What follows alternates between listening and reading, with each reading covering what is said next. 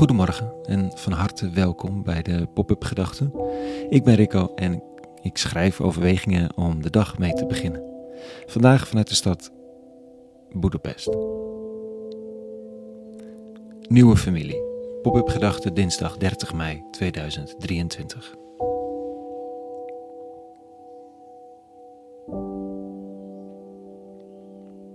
In de heuvels rond de stad Boedapest ligt een verstilde plek van huisjes, een plek voor kampvuur, een kerk en een kapel. Het lijkt niet meer dan een mooi uitgevallen, fijn georganiseerd kerkelijk retrettencentrum. Maar dan plaatst een lokale voorganger, activiste en organisator deze plek in perspectief. Voor hen is deze plek met nog één of twee anderen een wonder. Er zijn maar heel weinig publieke plekken in Hongarije, zegt ze waar organisaties in alle rust kunnen werken aan hun inzet voor de samenleving, een kritische verhouding tot de huizenmarkt of andere vormen van maatschappelijk activisme. Zo'n 40, 50 mensen uit heel Europa zijn hier samen deze dagen. Mensen die voor en met vluchtelingen werken aan dat inclusief Europa. En de verhalen zijn vaak deprimerend. En de moed, de vindingrijkheid weer zo hoopgevend.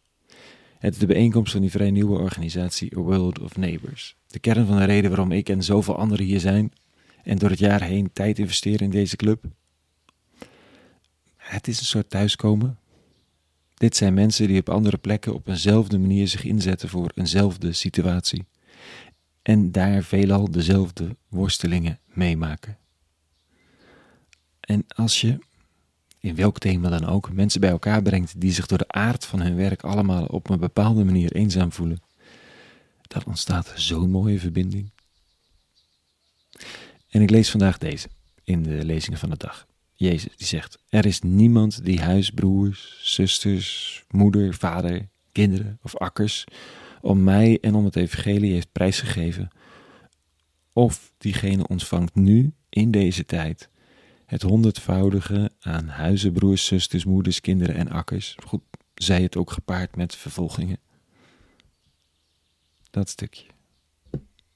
Nou is deze club hier in Boedapest joods, christelijk, islamitisch, seculier.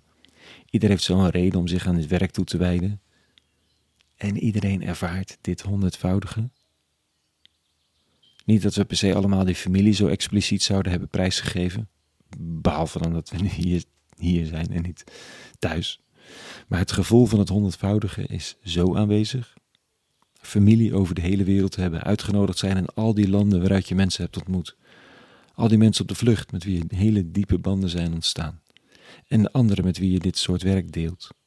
Ook zij worden in zekere zin familie. De belofte ligt er in de lezing van vandaag hoe je hem ook precies leest. Dat de weg van het hart, van de waardes en de liefde, waarmee Jezus van Nazareth de wereld tegemoet treedt, dat die vereenzamend en verbindend werkt. Het is achterlaten en ontvangen. En het een heft het andere niet op. Het achterlaten doet sowieso pijn, maar de verbinding is ook goud waard. En dat ervaar ik hier, elke minuut van de dag. Een hele goede dinsdag gewenst vandaag. In jouw omgeving, met de mensen met wie je leven deelt en je hart of je hoop. En vrede gewenst. En alle goeds.